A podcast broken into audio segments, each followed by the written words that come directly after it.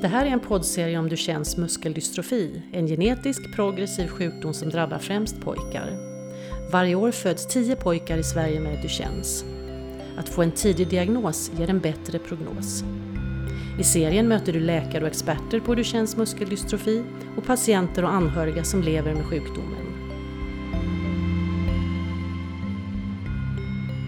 I det här avsnittet träffar du fyra unga män som har valt spännande och utmanande karriärer.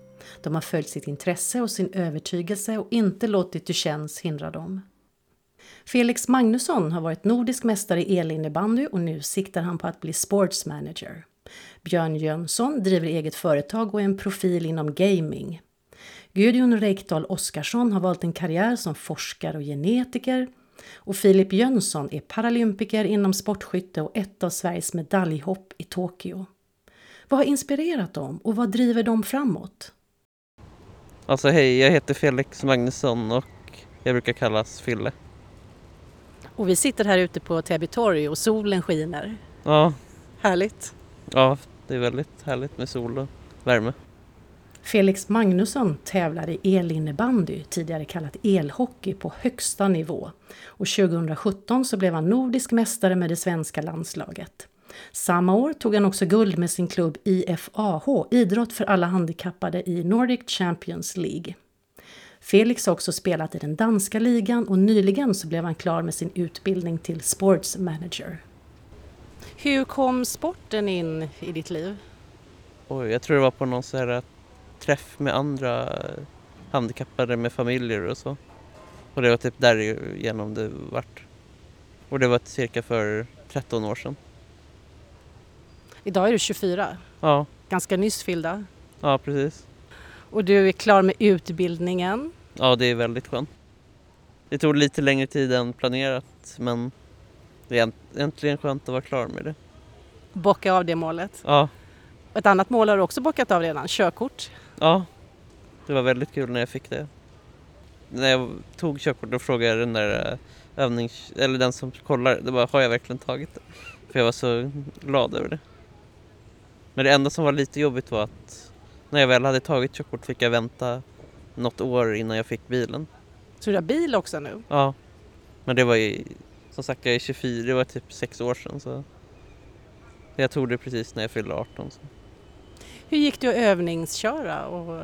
Det finns ett eh, ställe i Dalarna, Hedemora, som har där man kan köra, de har, det är där de bygger bilarna också. Så det är där genom jag övningskörde. För de har som en intensiv, hög, intensiv skola där. och hur funkar det med din bil? Du sa den är specialbyggd. Ja, den är... Alltså man har tagit bort alla säten i bilen så jag åker ända bakifrån ända fram till där man styr. Och sen styr jag med en fyrvägs joystick. Men det som skiljer den mot en vanlig rullstol är att man, den är tvärtom. Så när du bromsar så bromsar du framåt och gasar bakåt liksom. Vad har du för nästa mål? Oj, nu när jag är klar med ut, det är väl att försöka hitta jobb och så. Ja, du har ju valt en eh, tuff utbildning och karriär. Sports management. Ja, det är väldigt stor konkurrens där så det är, men det är ändå intressant då jag gillar idrott så mycket. Vad gör man som en sports manager? Oj, det man, det är väl att styra en idrottsförening typ. AIK eller något, ah, i något annat land och så. Har du något drömjobb eller drömlag? Är det AIK? Mm, jag vet inte om jag vill jobba där men jag hejar väl på dem men jag tror jag inte skulle vilja jobba inom AIK eller Djurgården och sånt. För man har hört att de är lite skakiga de klubbarna liksom. Ena gången har de bra ekonomiskt och sen kan det vara lite, de är lite osäkra tror jag. Så vad skulle drömklubben Oj, jag vet, någon utanför Sverige typ. Men tanken är varför jag läste det var för att jag vill utveckla handikappidrott, kanske elhockey också. Har du något inspirerande minne sådär som har fastnat hos dig? Och jag vet inte. Det- Det var när man första gången vi var på det där eh, nordiska mästerskapet var det själva hallen där vi var så var det man bodde och spelade elhockey jättenära så det var man behövde liksom inte gå någonstans. Så det var ganska häftigt. Var det sammanhållning i laget, nytt och spännande? Ja, det skulle jag säga. Under perioden när du spelade elinnebandy så fick ni celebert besök. Det är några år sedan nu. Ja, exakt. Det var, ju, det var lite häft, det var häftigt men ändå lite läskigt kanske. Alltså det var inte kanske att träffa prinsessan och Foppa som var läskigt, det var mer att det var... Ja, för kronprinsessan Victoria och eh, Peter Forsberg Ja, kom och besökte er. Berätta. ja men det, det roliga jag kommer ihåg från det är att hon... kron- Kronprinsessan var bättre än eh, Foppa på elhockey liksom. Det var lite roligt att se att hon var lite bättre på någon idrott liksom. Spelade ni en, eh, en match då? Ja, jag, var, jag spelade i samma lag som kronprinsessan. Så det var därför det var lite häftigt att vinna med det också. Coolt. Ja, men det kommer jag inte ihåg så mycket mer än så, men det var ändå häftigt. Hon minns säkert det också. Ja, det tror jag. Och hur fick du peppa mm, Foppa då, när han inte var så bra? Man får se, all, man behöver inte vara bäst på allt. Eller jag kommer inte ihåg riktigt, men man sa väl att... Lite förvånad kanske, men... Kronprinsessan har ju varit el- och besökt andra, han, så hon kanske vet hur det är att köra elrullstol lite bättre kanske också. Men ja, ändå. Du tycker ju om musik också.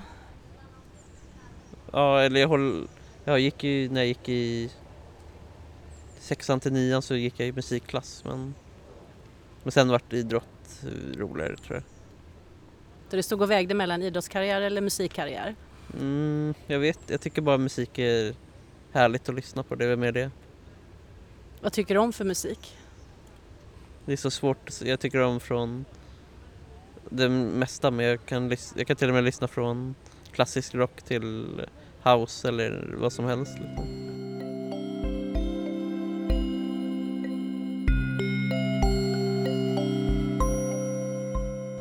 Jag brukar tänka så här, chanserna i livet får man inte utan man måste ta dem. För man lever ju bara en gång liksom. Lever du efter den devisen? Mm, Alltså det är roligt som man brukar säga, man, sitter, man säger att man ska göra saker men att det är viktigt och så, men man kanske all, inte alltid gör det men på sist, nu sista året har jag försökt att göra det.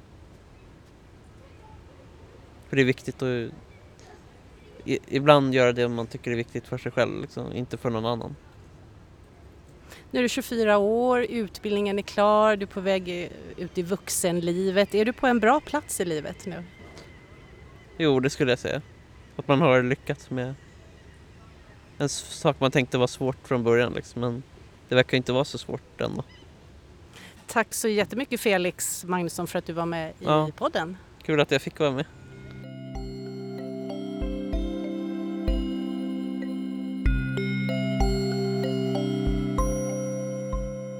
Hur lyder din presentation om du ska presentera dig själv? energisk 33-årig man med många idéer. Träffa Björn Jönsson, egenföretagare och konsult med stor erfarenhet och kunskap inom gaming. Han är också engagerad i kommunpolitiken. I höst ska Björn bland annat arbeta med ett projekt inom e-sport som tittar på alternativ styrning. Målet är att underhållning ska vara till för alla. Ser man tillgänglighet i spel då är de, tänker många på om du är färgblind till exempel. Eh, du kan ju ändra färginställningarna idag utifrån hur du ser färger idag. Det är en, det tydligaste exempel på en tillgänglighet i ett spel. Men sen har du ju också den fysiska delen om du behöver röra, trycka på knapparna i en viss hastighet så kan du ändra så att du bara behöver trycka en gång istället för 30 gånger i följd på fem sekunder och har du muskelsjukdom som mig då är det trycka 30 gånger på en knapp på fem sekunder rätt mycket. Och då är det rätt skönt att bara kunna trycka en gång. Där fokus är egentligen att spelet ska, underhållning ska vara till för, för alla. Så att eh, den branschen har jag följt nu i, i några år. Jag har varit med på lite diverse möten, utvecklingsmöten med utvecklare. Hur ser du framtiden? Hur, hur kan det utvecklas ännu mer? Eh, alltså hur- ännu mer, det är enklare att det ska finnas fler alternativ till hur du styr spelet. Eh, men också att det är liksom, det ska innefatta alla, eh, hela spektrat. Alltså det är ju autismspektrum, det är synnedsättning, det är hörselnedsättning och det är rörelsenedsättning utan att de har hela spektrat. Och då är Massive Entertainment visat bland annat väldigt tydligt att de jobbar väldigt mycket med det. Vad har intresset för gaming eh, betytt för dig och givit dig? Alltså grunden är ju egentligen att det är ju en gaming är ju en förlängd arm av det du känner gör att man förlorar, alltså rörelsen. Eh, att eh, du kan inte spela fotboll eller ishockey eller eh, triathlon eller vad det nu skulle, skulle vara. Jag i grunden är ju egentligen en fysisk person. Hela min släkt sedan 1700-talet är ju lantbrukarsläkt eh, och vi vill liksom jobba med kroppen. Och jag fick ju väldigt panik av det som yngre när man inte kunde fick utlopp eh, för det på grund av diagnosen men med just digitala spel så, så fick man det på ett annat sätt. Eh, och nu känner man sig gammal, så på 90-talet då, då var det inte avancerad 3D-teknik som det är idag. Idag är det nästan, det är verkligt nästan. Eh, grafiskt. Så det är ju, jag har ju sett utvecklingen där också, den tekniska utvecklingen. Ja, det har ju skett eh, snabbt.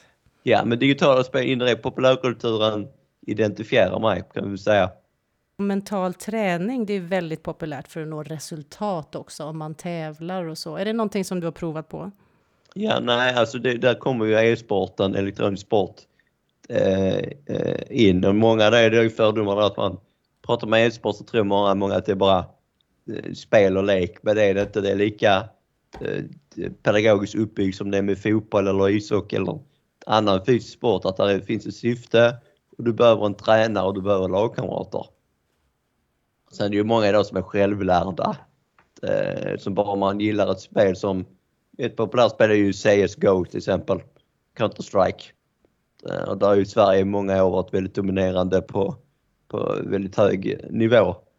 Och det gör ju att det är väldigt populärt framförallt i Sverige men hela världen generellt. Eh, generellt. Men jag är tillhör de som tycker det blir tråkigt. Det är väldigt enformigt. Eh, och det är ju egentligen spel du ska köra med vänner eller med flera eh, personer liksom. Eh, och ska du börja träna på det på allvar, då måste du gå med i en förening, du måste komma till träningstider. Eh, och det finns inte riktigt här nere i Kristianstad som jag bor. Ta i Malmö, Göteborg, Stockholm. De har ju hur många föreningar som helst. Du får starta någonting. Ja, jag har tänkt på det i många år. Jag sitter ju ändå i kulturfritidsnämnden i Kristianstad kommun ju. Berätta om ditt eh, engagemang i SMDF. Ja, SMDF är ju insamlingsstiftelsen för muskeldystrofiforskning och jag gick ju med i deras styrelse för fem år sedan och de har ju funnits som stiftelse sedan eh, slutet av 80-talet. Men jag var den första i styrelsen som just hade Duchenne som de ändå har jobbat med. Eh, för att samla in pengar åt forskning för. Så jag är första i styrelsen med, med Duchenne. Och sen som insamlingsstiftelse, vi har vuxit jättemycket de senaste åren men det innebär också att vi har jobbat, det enda styrelsen har jobbat ideellt men det alla är liksom, alla jobbar heltid, de har ju barnen också med diagnoser måste, som tar, tar sin tid och så resten av syskonen också så det har varit svårt med att hinna med allt som vi har velat och få upp en tydlig struktur för själva stiftelsen. Uh, och då sa vi ju nu för ett år sedan, nej nu måste vi anställa någon. Alltså för att jobba administrativt och med lite projektledning också. Och det var då jag startade eget via Frilans Finans. Så jag har ju skrivit avtal då med, med SMDF, tar, vi tar ett år i, i eh, taget. Men då jobbar jag administrativt och med projektledning. Uh, och det kan ju liksom innebära projektledning. Det var ju till exempel färdig vårt stora digitala symposium nu som vi har varannat år där vi bjuder in forskare från hela världen. Det är ju ett projekt som jag jobbar med ett halvår för att få till och denna, detta året arrangerar vi det digitalt såklart på grund av pandemin. Och I september så uppmärksammas ju Duchennes muskeldystrofi genom World Duchenne Awareness Day. Vad betyder en sån dag? Ja, jag tror det är roligt också att det är den eh, 7 september, det är 7 nionde. Det blir ju 79 exoner. Eh, precis som det är liksom diagnosen. Så det, det är ett bra PR-trick. Eh, men den dagen är ju, alltså det finns ju hur många dagar som helst som uppmärksammar kanelbullens dag till exempel. Det vet ju alla ju men det, det är många dagar som uppmärksammar diagnoser men då har man ju valt under nio för att uppmärksamma Duchenne awareness day och det är ju smidigt att det blir ett gemensamt datum internationellt. Det gör att det blir lite mer synkroniserat. Och sen är det ju World Duchenne Organization. De har ju axlat ansvaret att de, de bestämmer lite vilket tema det ska bli varje år. Och förra året var det ju Du känner hjärnan och idag är det ju liksom du känner vara vuxen så att säga. Så att internationellt sett och när det gäller att sprida kunskap på ett gemensamt plan så är det jätteviktigt. Du är 33 år. När fick du din diagnos? Eh, jag är född 88 så jag fick min diagnos 91-92. Eh, och då var det ju väldigt okänt i Sverige. Det var ingen som hade hört Duchennes muskeldystrofi utan vi fick reda mycket på av det för att min mamma jobbar som i vården i över 45 år som distriktssköterska. Så hon använde ju sina kontakter. Så att vi fick ändå en hyfsad tidig diagnos och tidig, tidig hjälp så att säga. Minns du när du tog steget in i vuxenlivet och hur, hur du definierade det för dig själv? Alltså det började egentligen rätt tidigt. Jag tillhör ju dem som har gått på en av de här fyra riksgymnasierna i Sverige. Riksgymnasiet är ju liksom det fokus gymnasieskola för personer med rörelsehinder. Eh, enkelt, enkelt sagt, och det gick jag på riksgymnasiet i Kristianstad. Eh, och då får man ju beroende på om man bor nära Kristianstad eller inte, men jag bodde ju liksom åtta mil ifrån i Eslöv. Och då kunde jag välja att bo på elevhem och det gjorde jag. Eh, Ruben, så jag flyttade egentligen hemifrån när jag var 16. Och det är egentligen min generella tid, för det blir lätt att om man har en dotter eller son med en svår diagnos eller Eh, funktionsnedsättning att det blir, eh, föräldrar blir oftast eh, överbeskyddande. Alltså curlad blir man ju. Eh, och där säger jag ofta att det bästa man kan ge till sitt barn det är liksom att de finner självständigheten tidigt. Eh, visst det var jobbigt första halvåret men sen ringde jag typ aldrig hem och ville inte vara hemma överhuvudtaget. Eh, och det säger alla elever har gjort det över 20 år som har gått att det är samma, det är samma sak. Alla är nervösa i början men det är ju normalt. Så det gjorde att liksom jag blev självständig mycket tidigt. Sen ligger det också lite biologiskt och det maskulina tänket att eh, man som man vill klara sig själv liksom och visa att man är stark men man kan ju visa det på andra sätt. Om man lär sig sen när man blir äldre. men det ligger ju i en biologiskt, det är ingenting som är bara påhitt, det ligger ju där liksom. Eh, och då var ju det med självständigheten väldigt viktigt. Är det någonting annat som du tycker är, är viktigt? Nej, egentligen learning by doing. Prova grejer som är lite läskiga, man faller några gånger men man reser sig igen. Och så lär man sig på, på, på vägen, men så är det ju livet generellt. Hela livet är ju learning by, by doing. Att uh, man kommer stå inför många val som är läskiga, men det är också de valen som utvecklar en. Hur ser man, man möjligheterna om man tycker att man har begränsningar? Hur ser du möjligheterna? Alltså, för mig handlar det om rätt folk runt omkring mig. Eh, att jag har också assistenter som är rena humanister. Vi låter som italienare ibland. Jag brukar alltid skämta om att vi, vi är polygamister. Jag är gift med tre män. tre italienare. ja, ja, precis. Men så är det ju. De jobbar 24 timmar om dygnet ju. Alltså jag, det är ju som ett förhållande. Det är rakt av ju att man har sina dustar men det, det är ju så viktigt. Men jag har assistenter som pushar, pushar en. Kom igen nu och eh, jag är likadan, jag vänder också som att man är folk är så rädda då om man ska kränka någon. Men liksom, vi är liksom rakt på direkt. Att liksom, kom igen nu, ja detta är jobbigt, jo men vad gör du själv för att göra så att det blir mindre jobbigt? Eh, visst, sen har man ju redan att gnälla lite ibland ju men man inser rätt fort att det är, det är bara en själv som kan ändra på det. Vad är nästa projekt då? Ja, det är många som ligger på mig att jag tycker att jag skulle skriva en självbiografi. Så att eh, jag måste väl ta tag i det i, i alla fall innan slutet av året för i alla fall skriva en inledning i alla fall. Jag kan säga att du, du ger det löftet här i podden. Ja, precis. Jag får göra det. Härligt.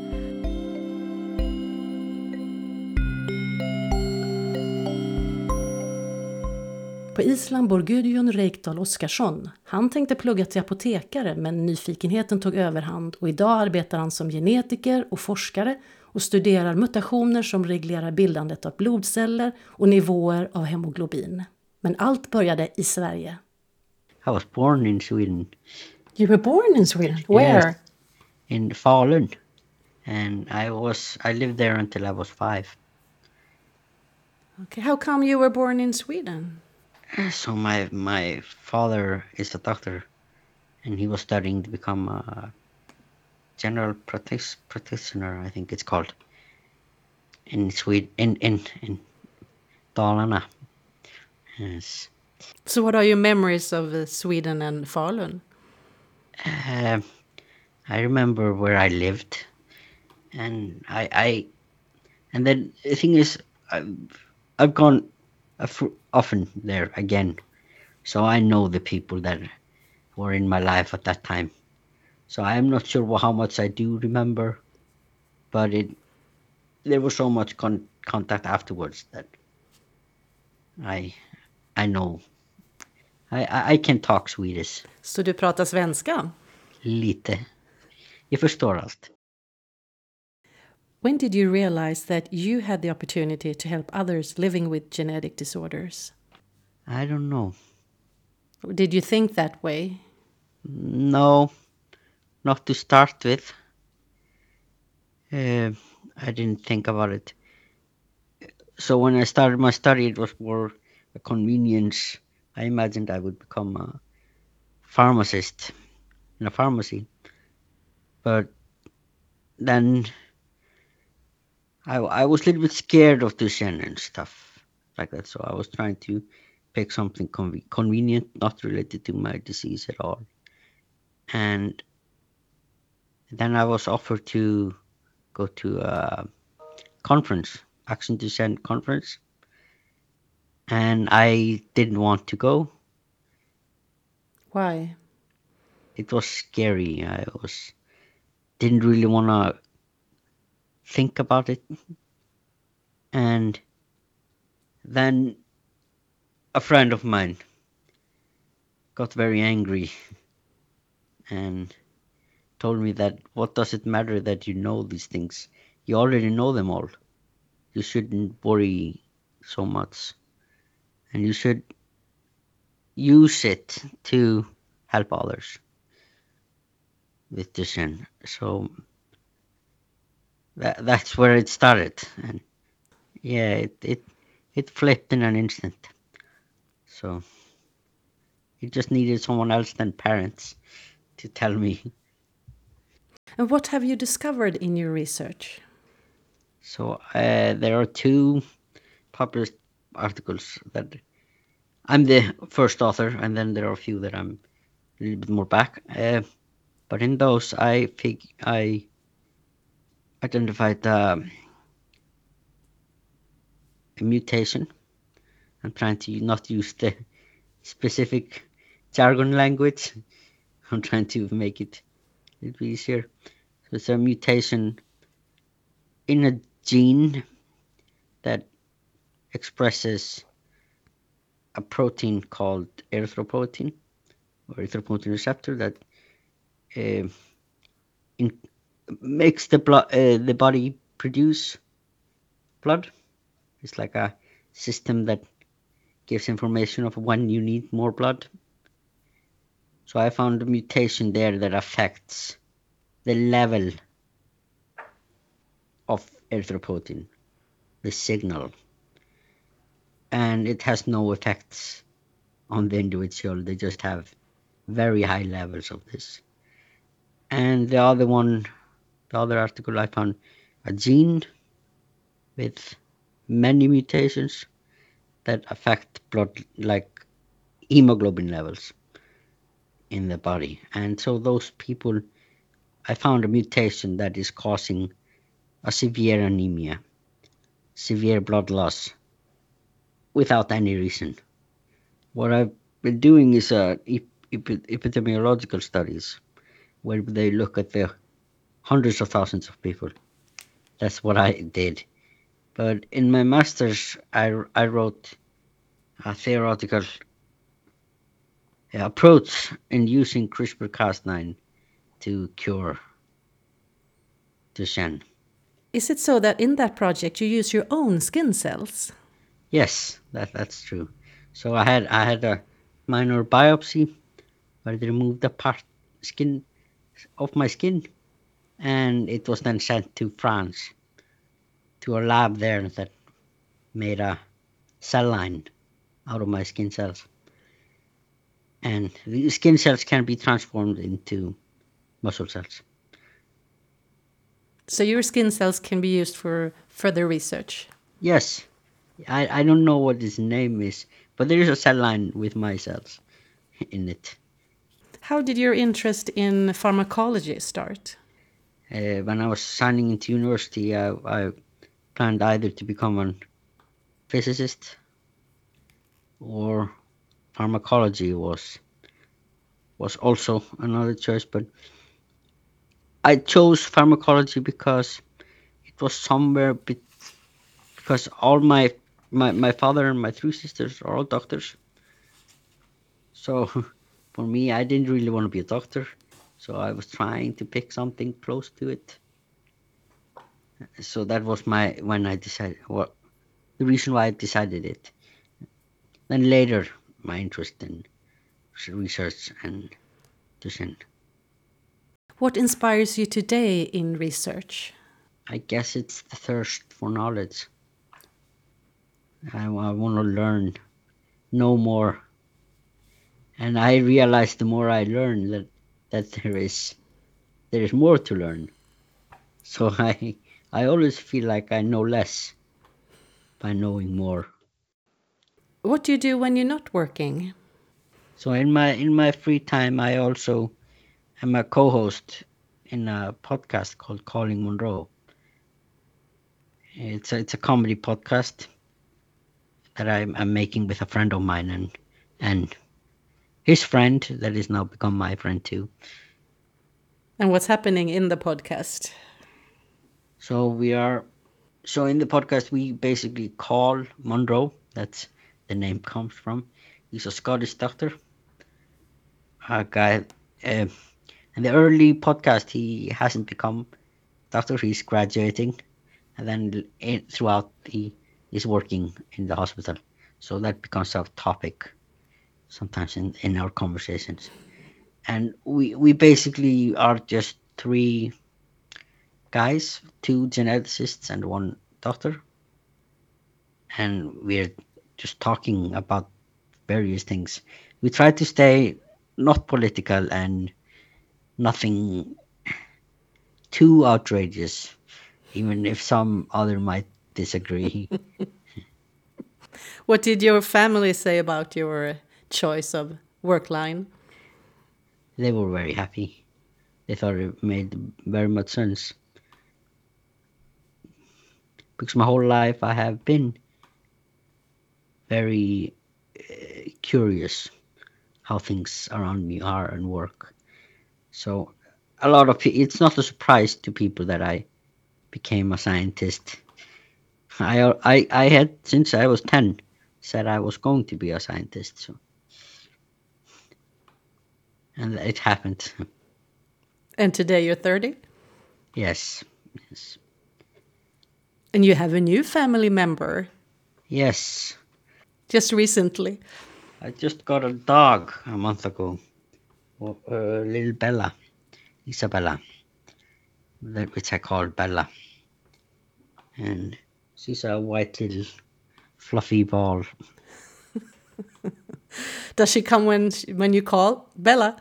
No, she doesn't know her name. She's she should, but I'm not very good at teaching her. Duchennes muskeldystrofi är en komplex sjukdom. Gudjuns vision är att lyckas man med att bota Duchennes, då skulle det öppna dörrar för att bota många andra genetiska sjukdomar. What are your thoughts about uh, World Duchenne Awareness Day, September 7th? It's very good. So these kind of days are good for everyone to know about it. And in addition, if you cure Duchenne, it's, it's there are many challenges in that. If you manage to do that, you have all of a sudden open doors to almost anything, any genetic disorder, because it's basically the holy grail to cure this one. And then, so there is a lot to uh, gain from knowing about this disease, even even further.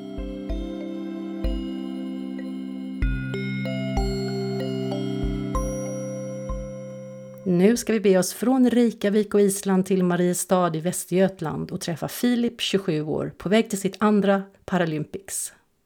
Jag heter Filip Jönsson och jag utövar sportskytte på elitnivå. Och jag håller på att träna för mitt andra Paralympics. Eh, bor fortfarande hemma, vilket jag tycker är, ja, passar bra med just den situationen jag är i. Och eh, jobbar deltid hos min största sponsor då också. Så det är en liten kort intro om mig. Filip Jönsson, du är ett medaljhopp för Sverige i Paralympics i sportskytte. Hur känns det? Jo, det känns, eh, det känns bra faktiskt. Och jag känner att jag har formen att vara ett medaljhopp. Men eh, det, jag strävar ju mest efter att vara bättre placerad än förra gången då jag blev åtta. Jag var med i två finaler där i Rio och slutade dock eh, sist i finalerna. Men eh, jag tog med, det jag tar med mig därifrån är att jag nu vet jag hur jag ska ladda upp innan och eh, hur jag hanterar situationen. Vad har du för minnen från Rio? Det är lycka och att eh, hur jag ska hantera situationen med publik och tyvärr så är det ingen publik den här gången men eh, det är liksom storheten på finalhaller och eh, ja, all media uppståndelse runt omkring då. Eh, jag tyckte jag var förberedd inför Rio men eh, efterhand så har man ju väl insett att man kanske inte var så förberedd som man trodde. Så de delarna har jag ju tränat på inför den här gången. Och vad är det man kan finslipa i skyttet? Jo, men det är ju framförallt små tekniska detaljer och mycket mental träning. Och det är ju alltid upp och ner i alla matcherna jag skjuter och det gäller att behålla fokuset så, så mycket som möjligt. Då. Och då är det ju bra att kunna komma tillbaka till sina grunder då, och inte bli för stressad. Det är det som det mentala har hjälpt mig då. Vem eller vilka är dina främsta konkurrenter? Det är framförallt ett par stycken i Europa och då är det ju Ukraina, Italien. Även Korea har väldigt bra skyttar. Så det är väl de största konkurrenterna. Din vardag då, hur ser den ut som elitidrottare? Jo, men det är mycket fokus på just träning och sådär. Men eh, med det funktionshindret jag har så kan jag inte träna så, mycket, så många dagar i sträck utan det blir mer... När jag väl tränar så är det fokus, 100% fokus på det jag ska träna på. Och då det är en, som mest är det tre gånger i veckan ungefär. Det är väl när det är som mest intensivt. Vad tycker du är svårast i skyttemomentet, eller är det något som är svårt? Det är framförallt att bevara fokuset hela tiden, för det är lätt att man hittar små genvägar. Och då, i alla fall för mig är det lätt att jag hittar små genvägar för att det ska bli lättare. Eller fysiskt lättare, men i slutändan så blir det sämre utförda skott. Då. Så det är väl det jag har jobbat på det sista här nu. När du eh, flyger med utrustningen, hur går det? Jo, egentligen själva flygresan är ju densamma som för alla. Men eh, jag måste ju med min permobil som jag tävlar i. Även den jag har i vardagen också. Men Eh, den får man ju packa ihop så mycket man kan. Eh, nu har jag till och med börjat att sätta upp skyltar att det är viktiga hjälpmedel så man måste vara extra försiktig. Eh, och annars så den här gången, eller jag har ju alltid med mig min nattventilator också. Inne på flyg, inne uppe i flyget. Eh, så den eh, kommer jag nog använda lite för att hjälpa andningen lite när det ja, i och med att det är så mycket lägre nivå av syre. När vi pratade innan så sa de nattventilatorn att det är det bästa valet jag har gjort. Men det var inte alls självklart att du skulle ha det. Nej, jag fick den ju första gången för ett par, något år sedan. Och då fick jag mest panik och ångest när jag hade den på mig på natten då. Eh, det kändes som att jag inte kunde komma till ro och somna och jag vaknade med ryck och sådana saker och det... Nej, det funkar inte alls. Men sen eh, något år senare blev jag inlagd på sjukhus för eh, vet jag, hade slem i halsen och sådana saker som påverkar andningen. Och efter det så sa de att jag var tvungen att ha det. Eh, och efter det så har det bara varit, bara varit positivt att använda den. Så det, det var ju egentligen eh, ett påtvingat val men eh, jag hade gjort det ändå. Så hade, för det, det känns jätteskönt att sova med. Och den ingår till och med i din träningsplan nu. Ja, det räknar jag som eh, lungträning. På, så jag tränar när jag sover. Det är ju effektivt. Ja. Vila och träning samtidigt. Vad skulle du vilja säga till någon som skulle vilja prova någon ny sport men inte, inte vet och kanske inte riktigt vågar? Nej, men jag skulle faktiskt rekommendera skytte. För det, det skjuter ju på samma nivå som alla. Ja, fram tills man blir en... Ja, hur långt man vill ta det då. Om man bara vill skjuta på hobbynivå så kan du ju skjuta hur länge du vill och sen... Ja, om man vill komma upp till högre upp så får man ju söka sig till ja, föreningar som ja, man vill. Det är inte jätte... Det är inte jättekrångligt, det är ganska simpelt. Var det självklart för dig att börja tävla sen? Och se hur långt Nej, det var inte självklart.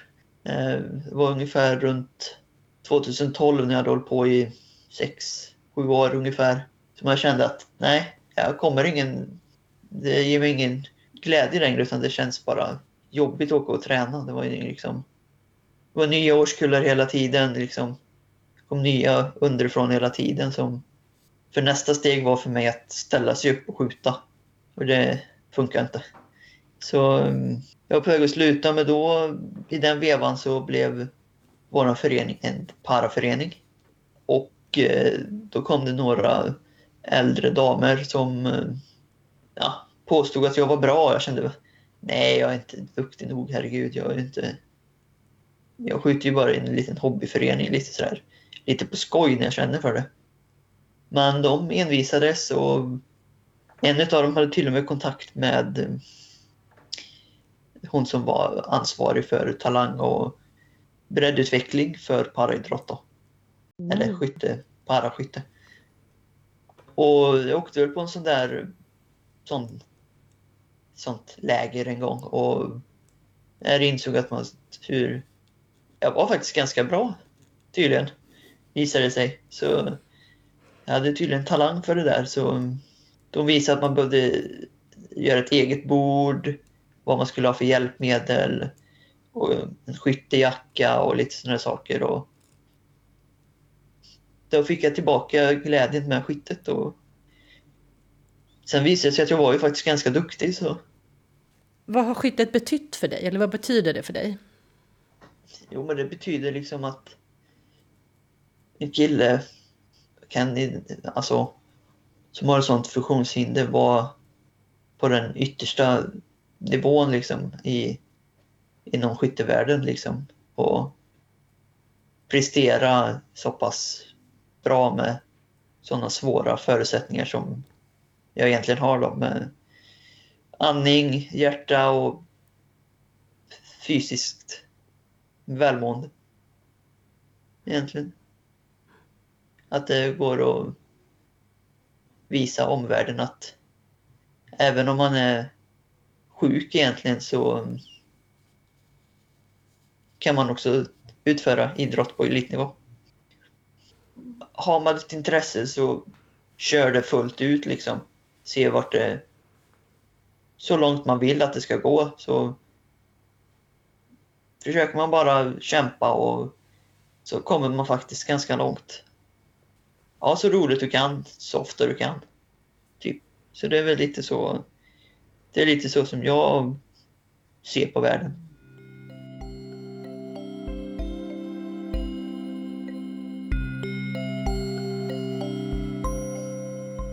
Har ett annat stort intresse också i livet, matlagning. Ja, Berätta. det är ju, eh, växer ju allt starkare och starkare mitt intresse för mat och dryck och olika moderna prylar som har med matlagning att göra.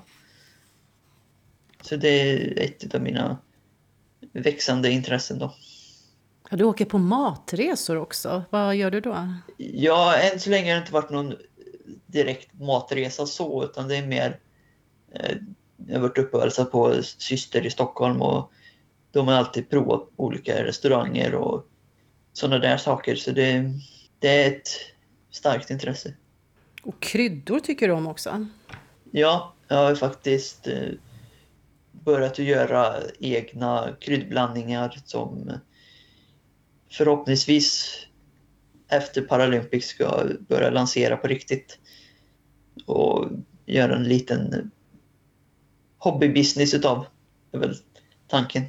Är det så att du odlar upp dem också? Nej, de har jag inte odlat. Jag har eh, köpt in och blandar egna blandningar. Och vad är viktigast då tycker du? Eller vad är favoritblandningen? Det är egentligen min eh, barbecue-blandning jag har gjort som det eh, väldigt bra balans mellan sött och sött, sött, eh, salt och hetta.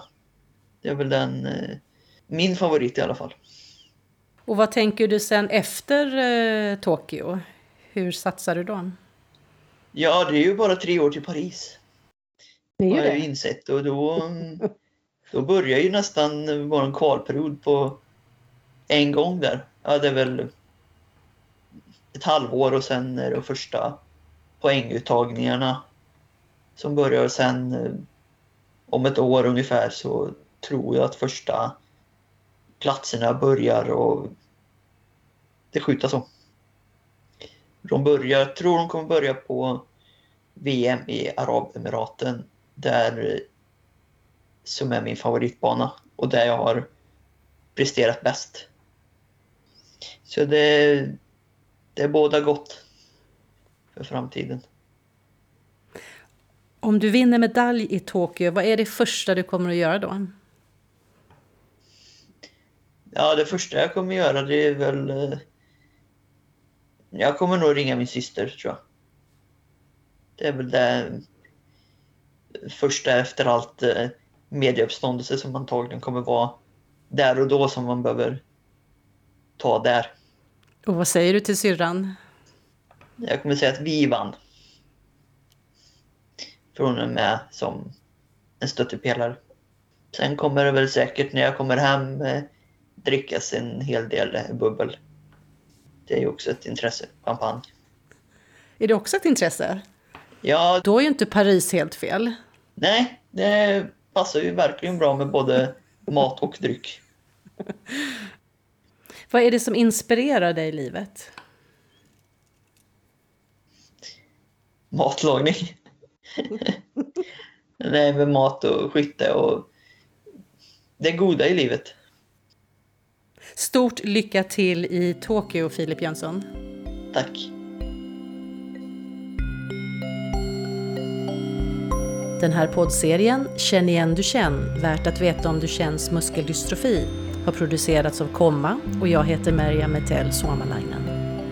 Podden har producerats med ekonomiskt bidrag från PTC Therapeutics.